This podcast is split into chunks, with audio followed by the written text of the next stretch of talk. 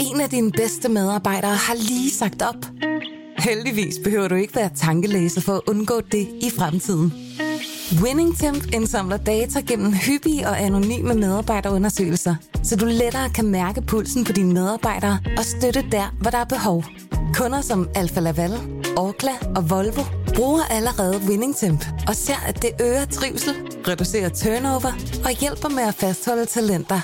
Få gratis gennemgang allerede i dag på winningtemp.com.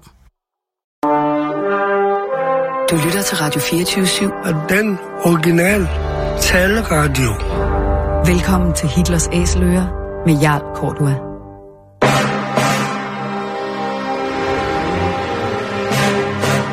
Velkommen til programmet Hitlers Æseløer, et program om bøger om den anden verdenskrig. Mit navn er Jarl Kortua.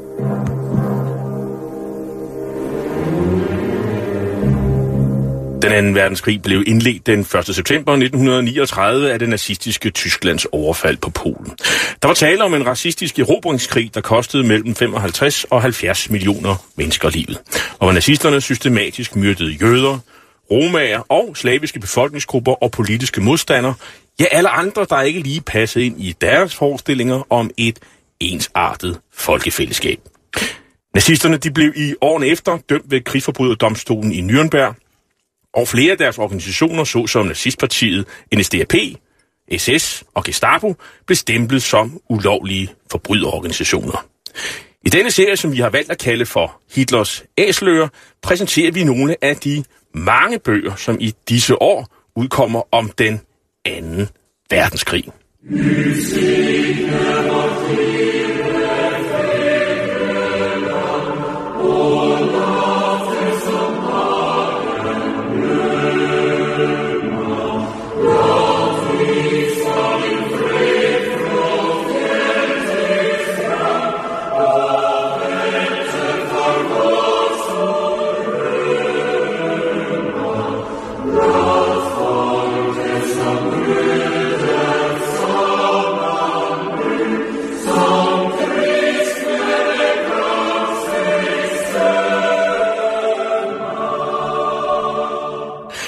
Vi hørte her den norske fæderlandssalme, hvis melodi nordmændene jo har lånt fra den danske komponist C.F. Weisse. Vi kender øh, blandt andet en anden salme, der hedder Signede dag med fryd, vi ser, af Grundtvig. Men altså nordmændene har øh, en, en salme med en øh, helt anden tekst, og øh, under 2. verdenskrig, der sang man gerne den her salme, som man altså kalder for fæderlandssalmen.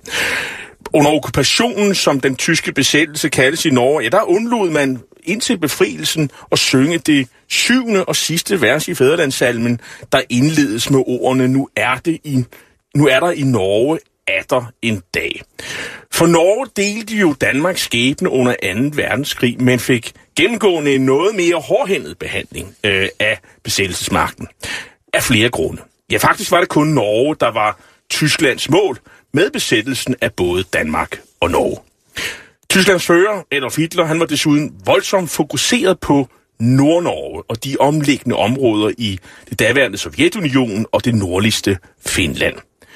Norge er, Norge er krigens skæbne område på tysk Schicksalsgebiet, dieses Krieges, som han formulerede det over for Søkrigsledelsens stabschef under et møde i Ulveskansen i Østpreussen 22. januar 1942. Hitler han frygtede konstant en allieret invasion og gav forsvaret af området allerhøjeste prioritet. Og derfor så fastholdt Hitler under hele krigen, ja, helt til det aller sidste, betydelige tyske militære stridskræfter fra alle værn i området. I øvrigt til stor frustration for de militære chefer, der var dybt uenige i den beslutning. Hitlers Nordfront. Ja, det er titlen på den norske journalist Asbjørn Jaklins bog, der er udkommet på Jyllandspostens forlag.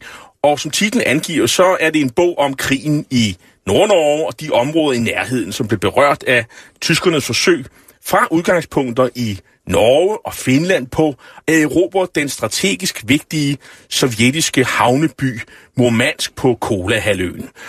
Omkring 100.000 soldater omkom på Nordfronten. Heraf faldt ca. 75.000 sovjetiske soldater og omtrent 25.000 tyskere. Og de kæmpede i det nok mest vanskelige og barske terræn, man overhovedet kan forestille os. Til at tale med os om krigen på Nordfronten, nu skal jeg byde velkommen til en øh, tidligere gæst her i programmet, nemlig dig, Paul Gros, kommandør i den danske flåde. Du har været militærhistoriker på Forsvar, Forsvarsakademiet og er også guide på militær, militærhistoriske rejser for virksomheden Kulturs. Og så er du forfatter til en i et tidligere program her i serien øh, behandlet øh, i et fremragende bog om krigen i Østersøen 1939-45 hedder den. Men vi indleder øh, vores fortælling om Norge under okkupationen med Norsk Radio, NRK og deres radioavis Dagsnyt fra den 9. april 1940 kl. 9.30. Kommanderende admiral Melle. I natt har tyske krigsskip forsert Oslofjord fæstning under kamp med fæstningens batterier og fortsat videre. Paul Gros, som vi hører her, så er de tyske styrker i gang med Europa Norge den 9. april 1940 som led i Operation Weserübung. Hvorfor gør de det? Weserübung var delt i en Weserübung øh, Nord og en Weserübung Syd. Nord var invasionen af Norge, og Weserübung Syd var invasionen af Danmark. Operationen mod Danmark var egentlig rettet oprindeligt mod Jylland, og på et tidspunkt af planlægningen, så streger man det ud med blyant og skriver Danmark. Så hele Danmark skal besættes, men øh, Danmark er kun øh, en tredje sten til Norge, som anses for vigtig. Tyskerne havde efter 1. verdenskrig analyseret situationen og fundet ud af, at man havde behov for baser i Sydnorge. Så i den planlægning, man har, der sætter man hele flåden ind, og man sætter altså de moderne enheder mod Norge, og det gamle skrammel, som de har i flåden, det kan man sætte ind mod Danmark. Så man sætter temmelig meget på spil for en overraskelsesoperation, og med i det her hører, at tyskerne havde en, øh, et meget stort ønske om at modtage jernmalm fra Sverige. Og ruten om vinteren, hvor jernmalmen fra Sverige ikke kunne sejles ned gennem den botniske bugt, fordi der var is. Den blev sendt med jernbane over til Narvik, og så kunne man sejle fra Narvik ned langs den norske kyst, over Skagerak ned til Tyske havnen. Så det vi taler om, det er nogle flådebaser, måske også nogle flybaser i Norge, og så handler det om øh, den havn, hvor man udskiber jernmalm fra Sverige. Altså, det vil sige, der er en sådan jernbaneforbindelse fra Sverige øh, til Narvik. Ja. Narvik er ligger ved det smalleste punkt. Norge er 6,3 km smalt fra bunden af Narvikfjorden og ind til den svenske grænse. Så det er nemt at dele landet over der, og, og det er en vigtig forsyning uh, for uh, den tyske sværindustri at modtage jernmalm der. Men det andet, som du nævnte, det er jo det der med baser. Man var allerede i krig med Storbritannien og Frankrig.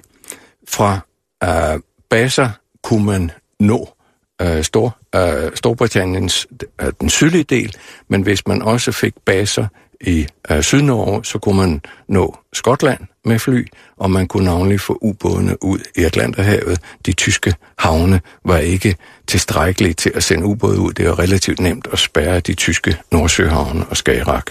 Pointen er, at tyskerne har planer for erobring af, af Norge, og Danmark er sådan en tredje sten på vejen, kan man sige, øh, med hensyn til det mål.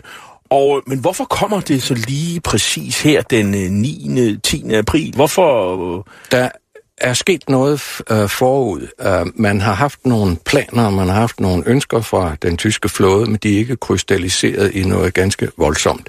Men omkring den, den 16. april, slutter den 16. februar, der får vi en episode, som er ret vigtig. Øh, Lommeslagerskibet Graf B har været i Sydatlanten på en lang patrulje, og øh, den har sænket et antal britiske handelsskibe, og de overlevende derfra, de er blevet altså, er bragt ombord i en flådetanker, som hedder Altmark, øh, og den er smuttet hjem fra Sydatlanten øh, op i grønlandske farvande nord om Island, ned langs den norske kyst, og ligger så nede mellem Stavanger og Christiansand i en fjord, der hedder Jøssingfjorden den 16. Øh, februar. Der bliver nogle britiske destroyer, tre styk sendt afsted, de to spærrefjorden, den tredje går ind, går på siden af Altmark. Nordmændene har tidligere været ombord og set, at der ikke var noget kontrabande ombord, øh, og øh, så derfor opholder skibet sig lovligt der. Men britterne har en mistanke om, at der er krigsfanger ombord, så de går på siden. Der bliver noget skyderi. Syv af søfolkene ombord i Altmark bliver dræbt, øh, og så åbner man tankene og finder 300 britiske søfolk der. Så de bliver sejlet hjem i triumf.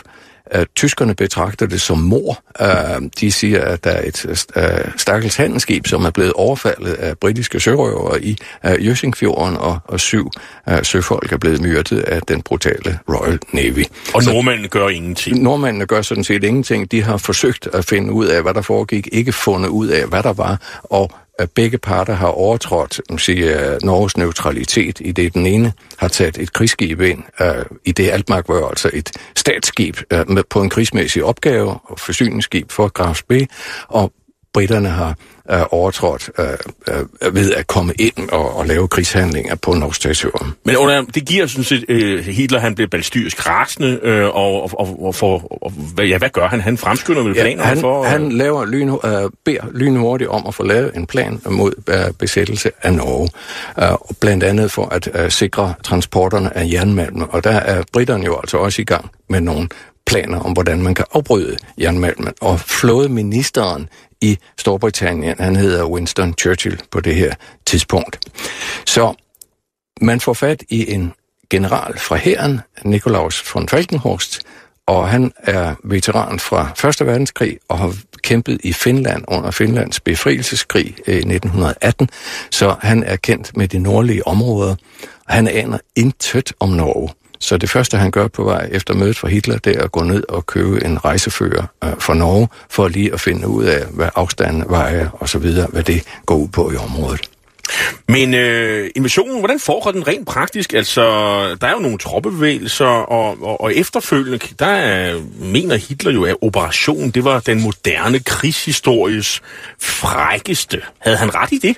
Ja, det havde han sådan set, og det var ved at gå grueligt galt. Det gik meget, meget skidt øh, for de tyske styrker en overgang. Uh, men uh, det ender så med, at de får overtaget.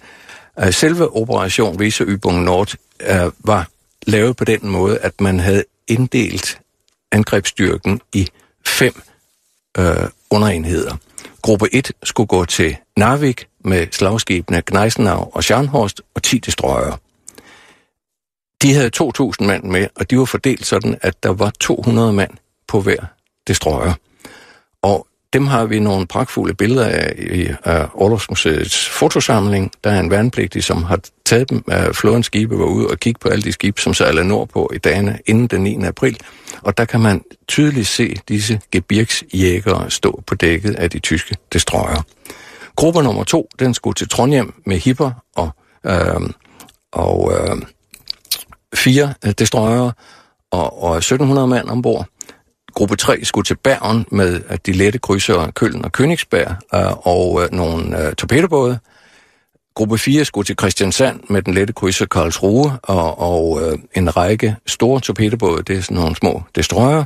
Og gruppe 5 skulle til Oslo med den svære krydser Blücher, øh, lommeslagskibet Lützow og den lette krydser Emden, og de havde så 2.000 mand med sig. Men øh, det går blandt andet galt for et af de der øh, øh, øh skibe, du nævner, nemlig Blygger, opkaldt ja. efter den preussiske general for Waterloo, øh, sejrhandet ved Waterloo, øh, som bliver sænket i, i Oslofjorden. Ja, øh, der, der sker det, at øh, nordmændene faktisk har deres første faldende i flåden den 8. april. Inden midnat er der en kutter ude i Oslofjorden, som opdager styrken, og øh, chefen for kutteren øh, bliver dræbt. Men altså ved Færderfyr og ved Bolerende Fort, der opdager man den indtrængende styrke, og det vil sige, at nogen ved noget om, hvad der foregår. Lidt længere inde mod Oslo, der har vi en snævring ved Drøbak, og der har man bygget et øh, batteri. Det er nogle kanoner fra af slutningen af 1800-tallet, som hedder Moses og Aaron. Og, øh, Fra bibelshistorien? Ja, nogle svære grupkanoner på 280 mm, og så har man lavet et torpedo-batteri fra 1901. Chefen er kommandørkaptajn Andersen for torpedobatteriet, Øh, han blev pensioneret i 1927, så han har været pensioneret i 13 år på det tidspunkt, hvor han bliver kaldt ind om natten øh, og for at blive øh, chef for batteriet. Det er den nuværende chef. Han var sygemeldt. Oberst Eriksen er chef for fortet, og øh, han bliver spurgt, om der må åbnes ild. Og hans svar, det er karakteristisk, man opererer jo i militæret, det der med, uh, uh, hvilke tilladelser man har, uh, rules of engagement hedder det i dag. Men der er nogen, der spørger Eriksen, om der må skydes, og så svarer han, gud skal det skydes. uh, og det var hans uh, svar på det her. Og han, da han åbner ild, så siger han, enten bliver jeg højt dekoreret, eller også så bliver jeg fyret for det her. Og han får en fuldtræffer. Han, de kan Besætningen, kanonbesætningen består af kokke og bager og hvad det ellers har. Øh, der er ikke ret mange værnepligtige, og der er ikke ret mange, der er uddannet. Men det lykkes dem at lade de to kanoner. De kan ikke genlade dem. De to første skud, de skyder med Moses og Aron, de rammer begge to blycher. Og øh, den start, blycher er det forreste skib. Det er altså en svær krydse, som er med til prins Eugen. Så den, der kommer en brand ombord, men man kan styre skibet men det kommer lidt længere op igennem sundet, og så kommer det ud for Andersens torpedobatteri, og han skyder øh, to torpedoer og får to træffer. En under øh, det forreste øh, magasin, og en øh, ud for maskinrummet. Så der er brænder ombord, der går ild i flybrændstoffet, man har jo et øh, søfly med ombord, øh, der, går, der er noget øh, ammunition, der eksploderer, og øh, skibet ender altså med efter to timer med at rulle rundt og synker på 90 meter vand i Drøbakzone, og de øvrige må så trække sig tilbage. Og det er faktisk en række, øh, ganske mange tyske søfolk, der er omkommet. Ja, der er lidt uh, skænderi om, hvor mange der egentlig er gået til, uh, og uh, det er kun nogle få hundrede, uh, men uh, få hundrede og ikke tusindvis. Men hele invasionsstyrken til Oslo er ombord der, og det bliver jo så forsinket, og det betyder, at kongen og regeringen kan trække sig nordpå i Norge. Så derfor så får den her øh, træfning faktisk en betydning. Det får meget stor betydning ud over det rent moralske. Norge er altså i krig. Norge har gjort modstand. Norge er blevet angrebet. Men pludselig så kan, altså, det, altså man kan jo sige, tyskerne de øh, får selvfølgelig held med at overfalde øh, Norge. Øhm, det tager nogle måneder selvfølgelig, men allerede øh, den øh, dag, hvor man indleder angrebet, den 9. april, ja, der kan man pludselig høre det norske nazistparti øh, National Samlings leder, det er den tidligere forsvarsminister Vidkun Quisling i radioen, og han hævder, at han nu overtager ledelsen af landet. Og gik den hensigtsløse ordre til de norske stridskræfter og modsætte sig den tyske hjælp med væbnet magt. Selv har regeringen flygtet efter således letsindig og har sat landets og dets indbyggeres skjebne på spil. Under disse omstændigheder er det den nationale samlingsbevægelses plikt og rett å overta regjeringsmakten for å verne om det norske folks livsinteresser og Norges sikkerhet og selvstendighet. Vi er de eneste som i kraft av forholdene og vår bevegelses nasjonale mål kan gjøre dette, og derved redde landet ut av den desperate situasjon som partipolitikerne har ført vårt folk opp i. Quisling, han øh, skyder skylden på den øh, egentlige folkevalgte regering, som jo altså ikke er gået af, selvom han hævder, at nu overtager han magten. Øh, den nuværende regering, som er øh, lederregeringen den 9. april øh, 1940, det er Johan Nygaardsvold fra Arbejderpartiet. Og sammen med kong Håkon den 7. og resten af den norske kongehus, ja, så flygter regeringen væk fra Oslo og øh, i øvrigt med landets øh, nationalbanks guldbeholdning, som øh, faktisk ender med at komme til England øh, til sidst, sammen med både regering og kongehus. Men altså, tyskerne er jo ikke specielt begejstrede fra, fra Quisling, og, øh, og han får faktisk ikke lov til at, sådan, at danne regering. Der går lige et par år, øh, så, så i ly af tyske bajonetter får man så øh, får han så lov til at regere de sidste tre år. Øh, der er aldrig rigtig nogen stor opbakning til national samling, altså de kommer aldrig til at, at blive valgt ind i, den, i det norske parlament. De stiller op to gange i 33-36 og får i omegnen af 2% af stemmerne, men, men bliver aldrig nogen politisk folkelig øh, drivkraft i Norge. Udover at de selvfølgelig øh, danner regering og, øh, og hvad skal man sige, og forsøger at nazificere landet, men det får de heller ikke helt med. Men nu skal vi til øh, lidt længere nordpå end Oslo. Vi skal til, til Narvik, som er øh, øh en krigsskueplads, øh, i, i hvert fald i den her del af, af 2. verdenskrig, som får rimelig stor betydning, fordi her er britterne jo sådan set... Øh, øh, har de, britterne har jo også fokus på, på Narvik, for de ved udmærket godt, hvad Narviks betydning er. Og, øh, og en, en anden skikkelse øh, hos tyskerne, det er øh, den leder af landgangsstyrkerne, som han har sat i, øh, i spidsen for Europa øh, Narvik. Det er en generalløjtnant Eduard Dietl, og han øh, har et alpejægerregiment øh, til at til at, at, at erobre øh, Narvik. Øh, og det sker også sådan overrumpende her den, den 9. april. Øh, hvordan, øh, Paul Grus? Ja, den gruppe, der var op ved Narvik, der havde man to slagskibe, Gneisner og Scharnhorst, liggende udenfor, og så sendte man de 10 destroyer ind. Så de 10 destroyer havde de her 200 mand hver Gebirgs jægere, og de bliver sat i land i Narvik, der hvor Norge er 6 km bredt. Og det er relativt nemt for dem at gå i land og etablere sig med styrken der. De kommer ind alle sammen.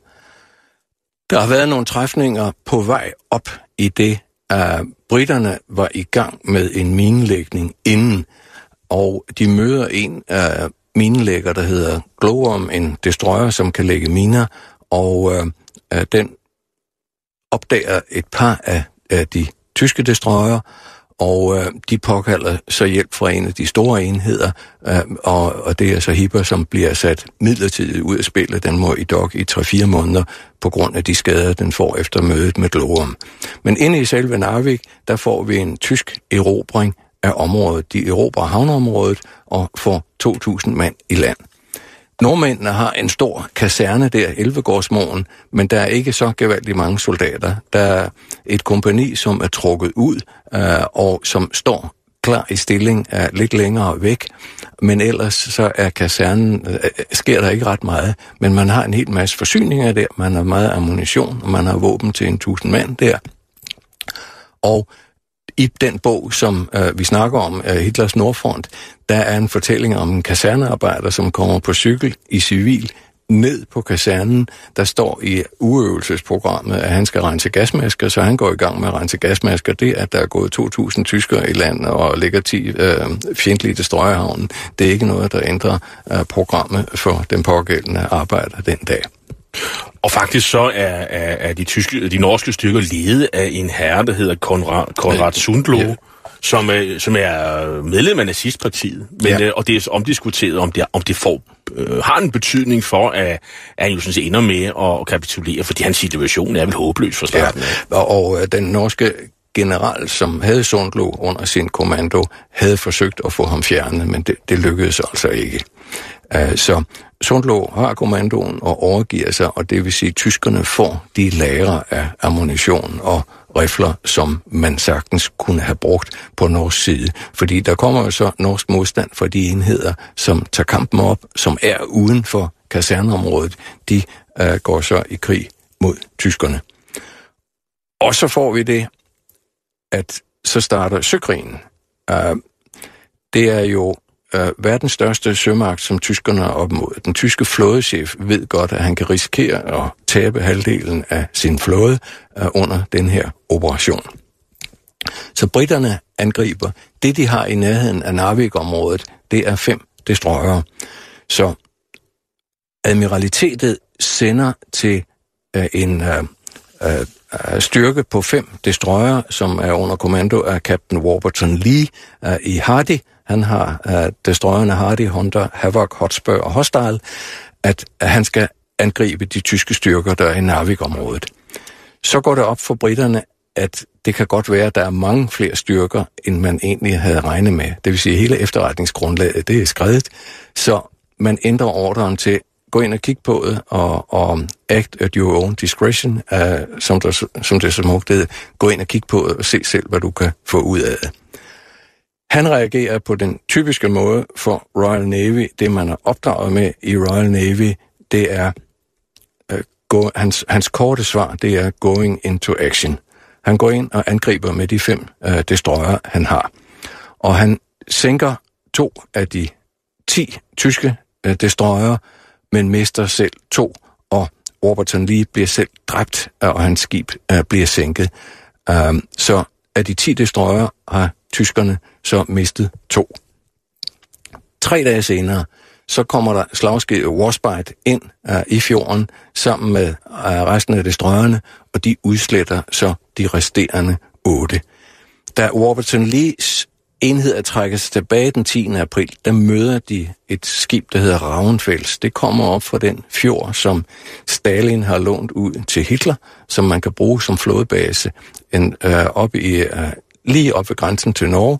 Der har man lånt en fjord, øh, og der har ligget nogle skibe, og Ravnfels kommer ned med ammunition og olie til destroyerne. Da de britiske destroyer passerer den, så skyder de, og øh, den har så meget ammunition, så den forsvinder i en stor røgsky. Der er ikke ret meget tilbage det, af Ravnfels. Det, det bliver simpelthen pulveriseret. Yes. Så tilbage for tyskerne er kun et forsyningsskib, Jan Wellem, som også kommer derop fra med olie. Og det betyder, at de otte destroyer, som er tilbage, de skal så tanke en af gangen fra Jan Wellem. Og det bliver så et forsyningsproblem at holde de der otte destroyer ude på patrulje og på vagt, og hele tiden sørge for, at de er toppet op med olie. Så da man bliver angrebet tre dage senere, den 13. april, hvor slagskibet, øh, det britiske slagskib kommer ind med nogle flere destroyer, der bliver alle otte destroyer sænket. Nogle af dem bliver sænket af egen besætning, fordi de har skudt tom, øh, men de kan altså ikke forsynes med mere olie, de har ikke mere ammunition ombord. Der vælger man at sænke dem. Og det vil sige, at britterne har sådan set uh, søherredømmet fuldstændig ja. her. Og, og det skaber jo så også nogle problemer for Dietl, fordi hvordan skal han så få forsyninger? Ja, han er han er sagt, øh, er mere på den end med på den øh, i den her situation. Og der gør man fra tysk side det, at man lynhurtigt ændrer status for alle matroserne ombord i destroyerne. De bliver gebirgsjægere. Uh, så de bliver simpelthen stillet uh, til rådighed for Dietl. De bliver omankadreret, som man vil sige, yes. som, som, som soldat. Lynhurtigt, og der var der nogle af dem, der måske ikke vidste selv i forvejen, at de var soldater, så det blev de, og de blev så udstyret med de håndvåben, man kunne skaffe sig fra den norske kaserne. Og det er de der Krav Jørgensen-rifler. Som ja, som i øvrigt er udmærket, men øh, tyskerne lavede en, lidt senere, da man har krigen mod Rusland, der lavede man en analyse af, hvilke våben der var gode og hvad man skulle bruge, og fandt ud af, at 99 procent af alle engagementer, de er inden for 75 meter, så man behøver ikke en rifle, som kan ramme 400 meter væk. En maskinpistol kunne godt være bedre. Og de der norske Krav Jørgensen-rifler, det var jo også nogle, vi brugte i det danske forsvar. Ja, det var, det var ganske udmærket.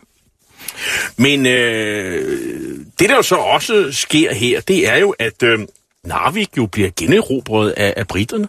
Ja, man laver en britisk landgang, og der er britiske og franske styrker med.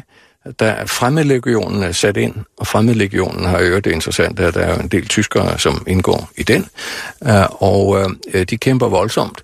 Øh, Polakkerne har nogle destroyer, som er stukket af dagen før krigen bryder ud den 1. september, der stikker de op gennem Storbælt, og to af de polske destroyer, de er med, og den ene polske destroyer bliver sænket oppe ved Narvik af en fuldtræffer fra et bombefly. Øh, så de allierede øh, har nogle kampe deroppe. Det går godt for dem, og det går skidt øh, for Dietl, men så lægger man fra tysk side pres på den svenske regering. Man vil gerne have nogle sanitetssoldater igennem øh, Sverige, sådan at man kan tage sig af de syge og sårede i Narvik-området. Det beder man de svenske myndigheder om. Så det, man gør fra tysk side, det er, at man sender en hel masse Røde Kors-soldater med Røde Kors-armbind med toget op øh, mod den svenske grænse i nærheden af Bjørnefjeld station. Det er den, der ligger lige nogle kilometer øst for Narvik. Og øh, de står så på ski ind over øh, den svensk-norske grænse, og på den anden side af grænsen, der smider de deres røde korsarmbind og tager et øh, øh, gult armbind, hvor der står DW, Deutsche Wehrmacht, øh, på, og så kaster Luftwaffe øh, våben ned til dem, og så nedkæmper de de britiske og franske styrker i området. Så man må sige, det er jo noget omgåelse af reglerne, og man sige, at svenskerne har så stiltigende medvirket til det her. Og... Svenskerne så det på en lidt anden måde, og, og måske følte sig naret, men at der, det var et voldsomt tysk pres om at få disse sanitetssoldater igennem. Vi skal lige høre en slagduel mellem britiske fartøjer og tysk artilleri, og det er angiveligt fra slaget om Narvik, hvor britterne generober øh, Narvik med den her landgangsoperation.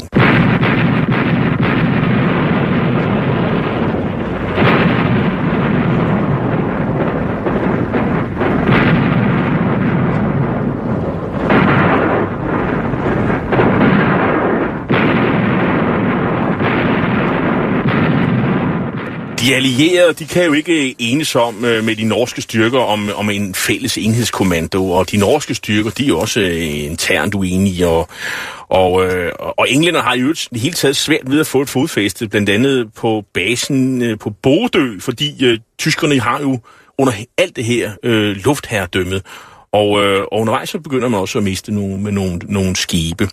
Øhm, øh, hvad, hvad er problemerne? Det går ikke så godt på landjorden, og øh, det man kan sige, det er, at franskmændene og britterne er lidt uenige om, hvad de skal. Øh, de har ikke så god kontakt til nordmændene på landjorden. Overordnet så øh, har vi altså tre regeringer involveret, og vi har også tre værn. Så de snakker ikke så imponerende øh, godt sammen. Og nordmændene bliver hægtet af uh, beslutningsprocessen øh, efter den 10. maj, hvor man jo altså får en række af problemer i øh, Storbritannien, hvor blandt andet parlamentet er kritisk over for øh, blandt andet øh, flådeministeren, men altså navnlig Chamberlain som prime minister. Så der kommer en ændring i situationen i forbindelse med, at man skifter premierminister ud. Chamberlain bliver afløst den 10. maj af uh, Winston Churchill, og det er samme dag, som tyskerne angriber ind i uh, Belgien, uh, Holland, uh, Frankrig, eller Nordfrankrig og Luxembourg. Og det vil sige, at nu får britterne sådan set, øh, nu, nu er der mere på deres tallerken end, end lige Norge, kan man sige. Ikke? Og det vil sige, at fokus vil ændre sig fuldstændig. Nu skal ja. de bruge styrkerne andre steder. Man havde jo inden da fragtet en temmelig stor Expeditionary Force over kanalen, og den stod allerede, den har stået hele vinteren i øh, Nordfrankrig, og i området mellem Belgien og Frankrig.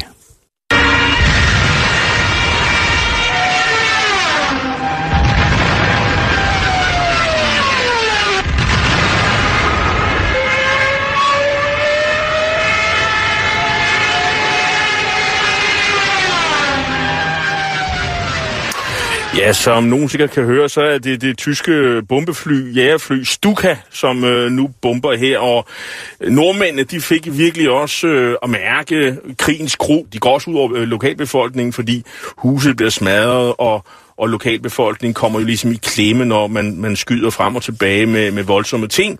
Øhm, I Bodø, 27. maj 1940, der flyver der 27 Stukas og Heinkel-fly ind over, øh, Bodø og kaster 200 sprængbomber og 1000 brandbomber. Bombekraterne i gaden, de var 6 meter diameter og 2 meter dybe, og, og 420 hus blev ødelagt.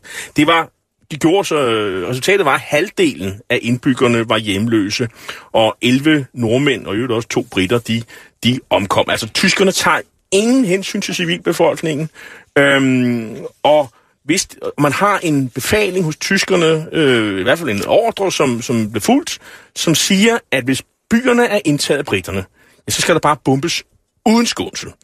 Og, øh, og tyskerne rykker langsomt op fra øh, Sydnorge øh, øh, med kampvogne og tungt artilleri, og de fortrænger de allierede øh, stille og, og roligt. Og, øh, og det bliver, situationen bliver jo sådan, at... Øh, at man øh, 24. maj så vedtager øh, det britiske krigskabinet at afslutte feltog i Norge, og så holder man sådan beslutningen hemmelig for nordmændene frem til den 1. juni, hvor den norske regering sidder i Tromsø, altså en by langt oppe i Nordnorge, en stor by øh, langt oppe i Nordnorge, og, øh, og så foretager man evakueringen af regeringen Kongehus til England, og, øh, og så overskriver, underskriver de, de norske styrkers overkommando en kapitulation den 10. juni i Trondheim. Øhm, og så øh, kan man gøre regnskabet op. Altså, invasionen har kostet 853 norske soldater øh, livet, og, øh, og lige så mange sårede i øvrigt, og, og 153 civile er omkommet.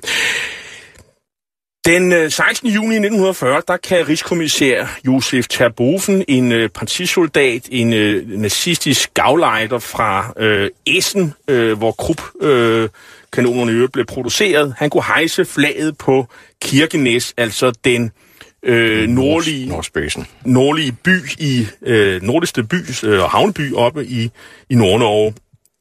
Øhm, og pludselig så står der altså 400.000 soldater i Norge med tiden, i, som har på det her tidspunkt i, i, i 1940'erne cirka 3 millioner mennesker. We shall defend our island, whatever the cost may be. We shall fight on the beaches. We shall fight on the landing grounds. We shall never surrender. Du lytter til Hitlers Æseløer på Radio 24 Et program om bøger om 2. verdenskrig med Jarl Cordua. I give you a toast, ladies Og i dag der taler vi med Paul Gros, øh, som er kommandør om bogen Hitlers Nordfront af øh, den norske journalist Asbjørn Jagli. Og øh, Norge øh, får jo enorm betydning, øh, i hvert fald for, for Adolf Hitler og for den tyske værnemagt, fordi øh, han, han, han prioriterer jo forsvaret af Nord-Norge, øh, faktisk fra marts 1941, øh, og det er særligt området fra Narvik og så helt vejen op til Kirkenes, som har hans fokus. Hvorfor, Paul Kruse? Ja, øh, det er sådan set en lang historie, men øh, Hitler har et lidt forkvaklet geografisk øh, synspunkt, øh, synspunkt, og det, det er jo ikke helt rigtigt, det øh, han øh, øh øh, egentlig beder øh, de væbnede styrker om. Men det går også op for Churchill på et tidspunkt, at Hitler er utrolig interesseret i øh, det nordnorske område. Og på et tidspunkt i starten af krigen, der lykkedes det jo langsomt for britterne at læse tyske koder. Det er noget, der kommer ganske langsomt, og det vender vi lidt tilbage til senere. Men Churchill er klar over, at Hitler er interesseret, så hvis man kan stimulere den interesse, så kan man altså binde store styrker. Øh, så man er interesseret i fra britisk side, at der står mange styrker i Grækenland, for det kan være, at der kommer en invasion dernede. Der står mange styrker uh, i Italien, der står mange styrker i Nordnorge, og mange styrker i Danmark osv., så man på den måde binder dem. Så det andet, det er, at man jo fra amerikansk og fra britisk side gerne vil holde Sovjetunionen øh, forsynet, og vi får jo et, et engagement, der skifter ganske voldsomt efter den 22. juni 1941, hvor Sovjetunionen bliver angrebet af tyske styrker. Så der får Nordnorge en lidt anden uh, situation, i det man kan angribe en af de typiske forsyningsveje, der er øh, for øh, de allierede. Da Sovjetunionen kommer i krig, så er USA ikke med i krigen, men der er en lend-lease-aftale, sådan at øh, man jo altså øh, i de første seks måneder af krigen, hvor Sovjetunionen er med, forsyner dem med amerikanske øh, producerede ting og sager. Hitler han øh, sørger også for, at der bliver bygget en masse øh, fort og fly og kystartilleri. Altså han øh, spærer, altså arkitekten, øh, rustningsministeren er, er deroppe. Øh, blandt andet har man oppe ved Narvik en såkaldt Adolf-kanon på, på 36 kilometer i rækkevidde kan den skyde. Den, det er sådan nogle 600 kilos granater. Den, øh, den har øh, sådan et rør, det er øh, 30 meter langt, og... Øh, og så er der øh, kaliberne af 46 øh, cm. Det er sådan noget skibsartilleri, man har sat på, og, sådan, og, det, og det er bare et eksempel på, på, på, på mange af de her byggerier, som, som finder sted. Og, og det handler vel også om, at Hitler med, han har en eller anden... Øh, forestilling om, at, øh, at, at, Nordnorge bliver angrebet af britterne. Altså nu er vi så senere hen krigen. Øh, og man har jo sådan set også planer fra britternes side. Men der er jo den her savnomspundne plan om britisk landgang, som hedder Operation Jupiter, ja. som aldrig bliver iværksat. Hvor, hvorfor gør den ikke det? Hitler har det med, at han vil gerne lave en atlantvold. Og det er sådan set en forkert øh, brug. Hvis man har begrænsede midler, så er det lidt svært at lave en uigennemtrængelig vold fra Nord-Norge og så ned til den spansk-franske øh, grænse. Men det, det bruger han utrolig mange kræfter på, og det vil sige, at der er en hel masse kanoner, der bliver sat op, og der bliver lavet forskellige andre former for stillinger langs hele den norske, danske, hollandske, belgiske og franske kyst. Så planlægger britterne noget, og de finder ud af, at det vil kræve af størrelseorden 150 landgangs, øh, handels, 150 handelsskibe plus en flådestyrke, som skal beskytte den, for at man kan lave en landgang. Og det er alligevel ret begrænset, hvad man kan opnå, hvis man erobrer et antal kvadratkilometer i Nord-Norge, fordi tyskerne har relativt store styrker, som de kan transportere uh, rundt uh, i Norge, og uh, lidt senere i krigen har de jo altså også store uh, styrker stående i Finland. Så uh, tyskerne er mere mobile end uh, britterne og amerikanerne er der i uh, begyndt den første halvdel af krigen, altså omkring 1942. Det, som britterne så bruger deres tid på, og fordi de er jo hele tiden i området på forskellige vis, de foretager en, en jagt på tysk kodematerial. Ja. De vil jo gerne bryde den her såkaldte enigma-kode. Og det får de jo faktisk uh, lidt held med. Ja, øh, det viser sig, at under den landgang, man laver ved Lofoten øh, i øh, slutningen af 41, der lykkedes det at øh, få fat i øh, et af, af de øh, meteorologiskibe, øh, som er i området, og det har en Enigma-maskine ombord, og der får man fat i øh, nogle rotorer øh, til øh, kodemaskinen. Kodemaskinen øh, Enigma har øh, en række indstillinger. Øh, der er nogle øh, ganske særlige kredsløb ned i selve skrivemaskinen, så kan man sætte nogle kodehjul i, hvor der er nogle specielle kredsløb i dem. Der hører fem til en kasse, og man skal bruge tre kodehjul i maskinen, for den er operativ. Så har man desuden sat et uh, stikbræt på uh, foran, hvor man kan bytte rundt på en række indstillinger, sådan at der alt i alt er 158 efterfulgt af 18 nåler mulighed for, uh, de buks, for et bogstav, uh, når man skal skrive i kode der vil britterne gerne knække den der kode, og de har øh, via nogle spioner, via fransk efterretningstjeneste og polsk efterretningstjeneste, skaffe sig en viden. Man har købt en spion, øh, som har leveret nogle nøgler til det. Man har fået kopieret en af maskinerne, osv. osv. Og nu prøver man så at skaffe sig øh, materiel ved at overfalde skibe, som må, må have en enigma-maskine ombord. Man har jo også, tyskerne opbygger jo en flådebase i, i, i Altafjorden, og, øh, og det er jo faktisk sådan, at i, hvis man for eksempel tager første halvår 1942, der producerer Tyskland 69 ubåde. 40 procent bliver sendt til de nordlige farvand. Det er specielt øh, Nord-Norge. Altså, øh, flåden blev i det hele taget utroligt skal man sige, prioriteret af, af Hitler. Ja. Um, flådechefen uh eller rettere ubådschefen øh, Dönitz var lidt utilfreds med, at, norm, øh, at, at øh, de norske baser skulle modtage øh, ubådene. Han ville hellere have de langtrækkende ubåde to over til den amerikanske kyst, fordi amerikanerne var slet ikke begyndt i krigens start, der hvor man blev involveret fra december 41, med at beskytte handelsflåden. Øh, der, så det, det var meget nemt for tyske ubåde at sænke store øh, tonnagemængder over langs den amerikanske kyst.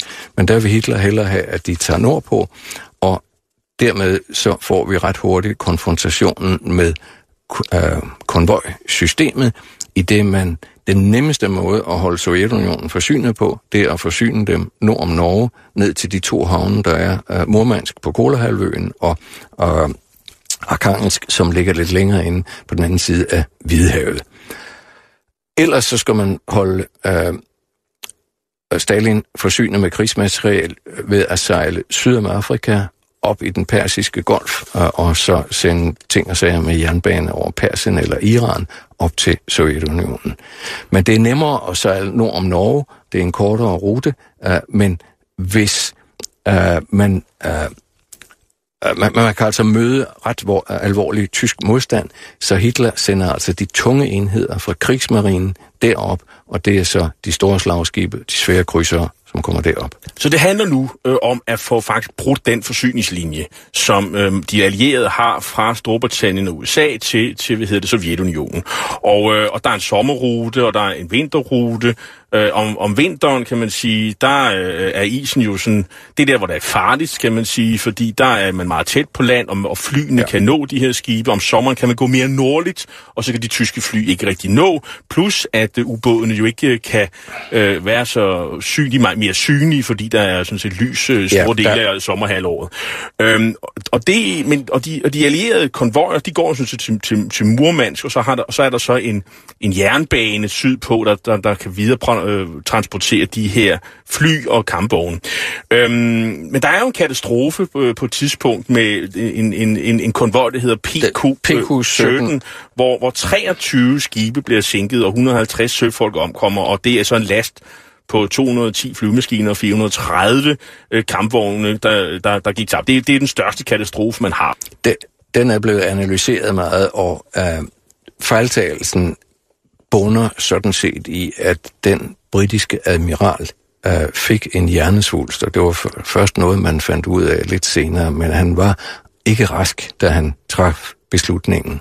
Så hvis han havde været rationel, så havde han lyttet til efterretningseksperten, som vidste, at Tirpitz ikke var ude. Tyskerne angriber jo sådan set også Sovjetunionen nordfra. Det er, en, det er en krig, man aldrig rigtig har hørt særlig, meget om. Det er, den hedder Operation Silberfuchs, og 29. juni 1941, der indleder øh, tyskerne et angreb, og det er sådan et forsøg fra, fra, fra landjorden at erobre Murmansk på et par uger, Øh, og der har man også hjælp af, af finderne, og det er alt 70.000 mænd, øh, som, som øh, foretager det angreb. Og det er igen general Dietl og to divisioner hjælp Alpejæger, Gebirgskorps Norwegen, der består af 27.500 mand. Og man er så sikker på, at Robert Nurmansk, at man allerede har trykt øh, invitationskortene til sejrsfesten, og man, man erklærer stolt, at man er i Murmansk om et par dage, og man har jo også flystøtte fra, fra, fra Kirkenes øh, med, med Stukas. Og så går og så når man et stykke ind i, i Sovjetunionen, men så går man i stå ved Litsafloden. Der er nemlig ingen veje, øhm, og det er jo rimelig brutale kampe, der er. Det er et forfærdeligt terræn, og det er nogle øh, vilkår øh, under kamp, som man er som trodser en, en hver be, beskrivelse. Øh, og man har jo også en, øh, en, en, en mangelfuld udrustning. Øh, og det bliver jo ikke bedre af, at øh, motorordinansen for, for staten, øh, han kører forkert, og så bliver han fanget af russerne med alle angrebsplanerne. Øh, og det er også en, øh, en krig, som som er også den spektakulære forstået på den måde, at man er meget tæt på hinanden. Så når russerne de skal have nogle tunger, øh, altså til, til at kunne tale, ja, hvad gør man så, Paul Grus? Ja, der er det meget sjove ord på russisk, som hedder yasik. Det betyder både sprog, og det betyder tunge, og det betyder krigsfange. Uh, så uh, det har været i russisk sprogbrug i mange år, uh, at uh, man bruger en tunge til at fortælle om, uh, hvad der foregår. Øh, så det er vigtigt, at man tager krigsfanger for at øh, høre lidt om krigsplanerne. Men området er jo ganske mærkeligt, som du lige har sagt. Øh, der er jo ikke nogen infrastruktur, der er ikke nogen veje. Det er moser, det er derude, der er myg, og, og det er i det hele taget et skrækkeligt område at slå i. Og de her tyske tunge, der bliver sådan, de bliver sådan indfanget med lasso, fordi man er så tæt på hinanden. Og det, tyskerne, de lider i hvert fald nogle meget store tab, og, øh, men som sædvanligt, så gør det ikke det store indtryk på militærledelsen, Oberkommando der Wehrmacht i Berlin. Øh, og Hitler, han blander sig som vanligt og skifter lidt rundt på ledelsen, og, og Dietl, han øh, får noget andet at bestille. Øh, men helten fra Narvik var han jo så pludselig, og nu øh, hånede man ham øh, som krabsen fra Murmansk, eller slagteren fra Murmansk. Øh, og på et tidspunkt så lægger de allierede pres på, på fenerne for ligesom at trække dem ud øh, af krigen. Det er USA, der gør det, øh, fordi de, man er faktisk, øh, for at de ikke skal erobre den her jernbanelinje til Murmansk. Øh, og så til gengæld så er svenskerne jo meget behjælpelige med telte og barakker og, og, og transport af tyske tropper og forsyninger. Ja, øh, det, det er jo vigtigt for, for de allierede, at jernbanelinjen fra Murmansk øh, er på øh, sovjetiske hænder, for ellers er der ikke nogen idé i at sejle konvojer øh, til Murmansk. Så derfor lægger man et pres på finnerne, og hvis de er med til, at den bliver erobret, så vil man ikke se mildt på dem efter en krigsafslutning. Så finnerne står altså også i et politisk øh, dilemma øh, der i deres kamp mod Sovjetunionen, hvor de har tysk assistance. Men øh, på et tidspunkt så går det jo øh, den øh, anden vej, øh, og, øh, og vi skal jo nå at, at, at runde Øhm, øh, en af de ting, som også man forbinder med, med Nord-Norge, det er, øh, at man får faktisk kål på de der sådan, øh, øh, skibe, blandt andet Tirpitz, som bliver sænket. Ja, de store skibe bliver, an, øh, bliver lagt oppe i øh, øh K-fjorden, øh, oppe ved, det er den sidste del af Altafjorden, og øh, der er øh, Tirpitz jo altså en meget stor trussel. Hvis den kommer ud, det er et slagskib, som man sådan set ikke, øh, eller man vil have svært ved at sænke det øh, med øh, øh, de øh, øh, slagskibe, man har. Så, øh, så det, det er ret store styrker, som Royal Navy skal sætte af øh, til at beskytte øh, mod øh, det, som man kan komme ud med fra Altafjorden. Vi har Scharnhorst på banen øh, i øh, julen 43. Der er det den, der udgør truslen, og den bliver sendt ud mod en konvoj. Og der laver britterne det, at de laver en næreskorte, som består af krydser, og så laver de en fjerneskorte, hvor der kommer to slagskibe ind. Så der, hvor Scharnhorst er oppe ved konvojen, så kommer slagskibene søndenom, afskærer tilbagetoget, og så sænker man Scharnhorst anden juledag, øh, og øh, den går ned. Der er 1900 mands besætning, og der er kun 36, der overlever, inden britterne forlader området igen på grund af ubådsfaren. Og skibets kommandant, viceadmiral Erik Bay, han, han skyder sig på kommandobroen sammen med sine andre officerer. Det er jo meget dramatisk, ja. det her. Og så kommer sænkningen af Tirpitz. Der har været sådan et, et, et forløb for inden, hvor man har brugt sådan nogle mini-ubåde til at sænke ja. Tirpitz, som er det her store slagskib. Fra Skotland, der udgik en række ubåde med nogle mini-ubåde på slæb, og det var så tanken, at de skulle sejle under torpedonettene og øh, koble en stor bombe af, som de havde monteret udvendigt på skroget, så den blev lagt under slagskibet. Og det lykkedes for en af ubådene at komme helt tæt på og lægge sådan en kæmpe bombe under skibet. Så Tirpitz bliver meget alvorligt beskadiget i en omgang af, jeg tror det er 43 af mini-ubåde. Så kommer der et meget stort luftangreb i 44, og så bliver den flyttet ned til Tromsø-området, og der bliver den så sænket af en uh, Tallboy-bombe, som er sådan en 5-tons bombe, som er panserbrydende. Og det sker i Tromsø? Ja. Og, det, og, der, og der er det så 971 besætningsmedlemmer omkommer, og der må man skære øh, folk ud. Man har nogle svejser til at skære folk ud, og, ja. og man siger, at man hørte banksignaler tre, tre uger efter. Øh, og det, det, er, det er en virkelig dramatisk historie. Men undervejs så er tyskerne tilbage, og der fører tyskerne den brændte jords politik. Altså, Rusland fortsat et modangreb, og der i, i Finnmarken, hvor Kirkenes er, i, i, i det nordlige Troms, Øhm, der brænder man stort set alt, når man sprænger broer, man brænder huse, 50.000 øh, mennesker evakuerer man. Hvorfor gør man det? Ja, øhm, det Hitler har gjort, det er, at han har taget en meget brutal general øh, ned fra Jugoslavien, som han har øh, flyttet op til at være øh, chef for øh, styrkerne i, i Nord-Norge. Og han fører den brændte jords politik på ordre for Hitler, og nu skal man huske, at de fleste huse i Norge, det er træhuse, så det er ret nemt at sætte ild til en by, øh, og der står ikke andet end de murede skorstenen tilbage, når tyskerne har trukket sig tilbage.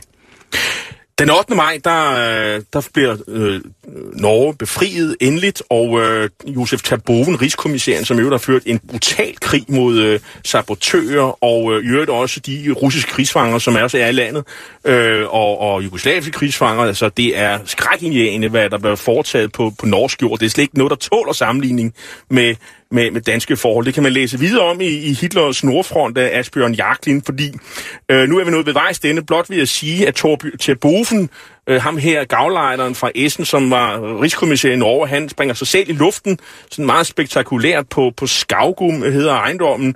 Og det, der ender sådan set den historie. Tak skal du have, Paul Gros. Du er kommandør, militærhistoriker og rejseleder, for du kom her i dag og talte med mig om Asbjørn Jaklins bog om Hitlers Nordfront. Øh, den er udkommet på Jyllandspostens forlag. Hitlers æsler er slut for i dag. I teknikken sad Andreas Skov, og jeg hedder Jarl Kortua. Og jeg er vært og tilrettelægger af programmet, og du kan jo genhøre det her program og alle de øvrigt tidligere programmer i serien som podcast via radio247 DK. Vi slutter med norske Reiter Andresen med et hit fra okkupationsårene. Soldatens længsel hedder det. Tak for i dag.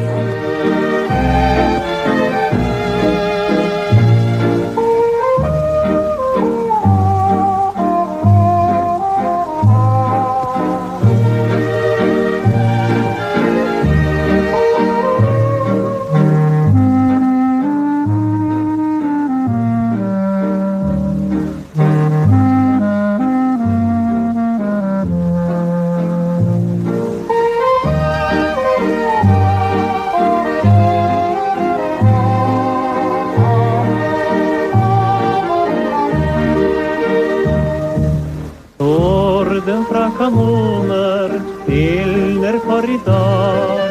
Slagmarken er røde og forlatt. I den ytre sone fra det store slag ligger der en såret ung soldat.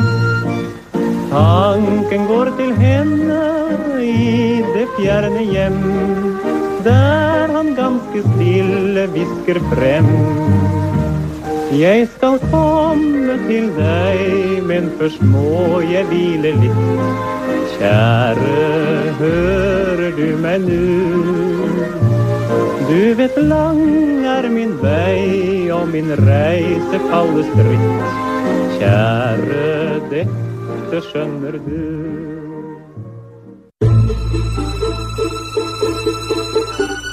Du lytter til Radio 24 /7. Om lidt er der nyheder.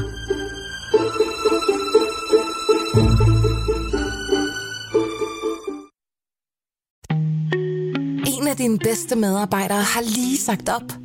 Heldigvis behøver du ikke være tankelæser for at undgå det i fremtiden. WinningTemp indsamler data gennem hyppige og anonyme medarbejderundersøgelser, så du lettere kan mærke pulsen på dine medarbejdere og støtte der, hvor der er behov. Kunder som Alfa Laval, Orkla og Volvo bruger allerede WinningTemp og ser, at det øger trivsel, reducerer turnover og hjælper med at fastholde talenter. Få gratis gennemgang allerede i dag på winningtemp.com.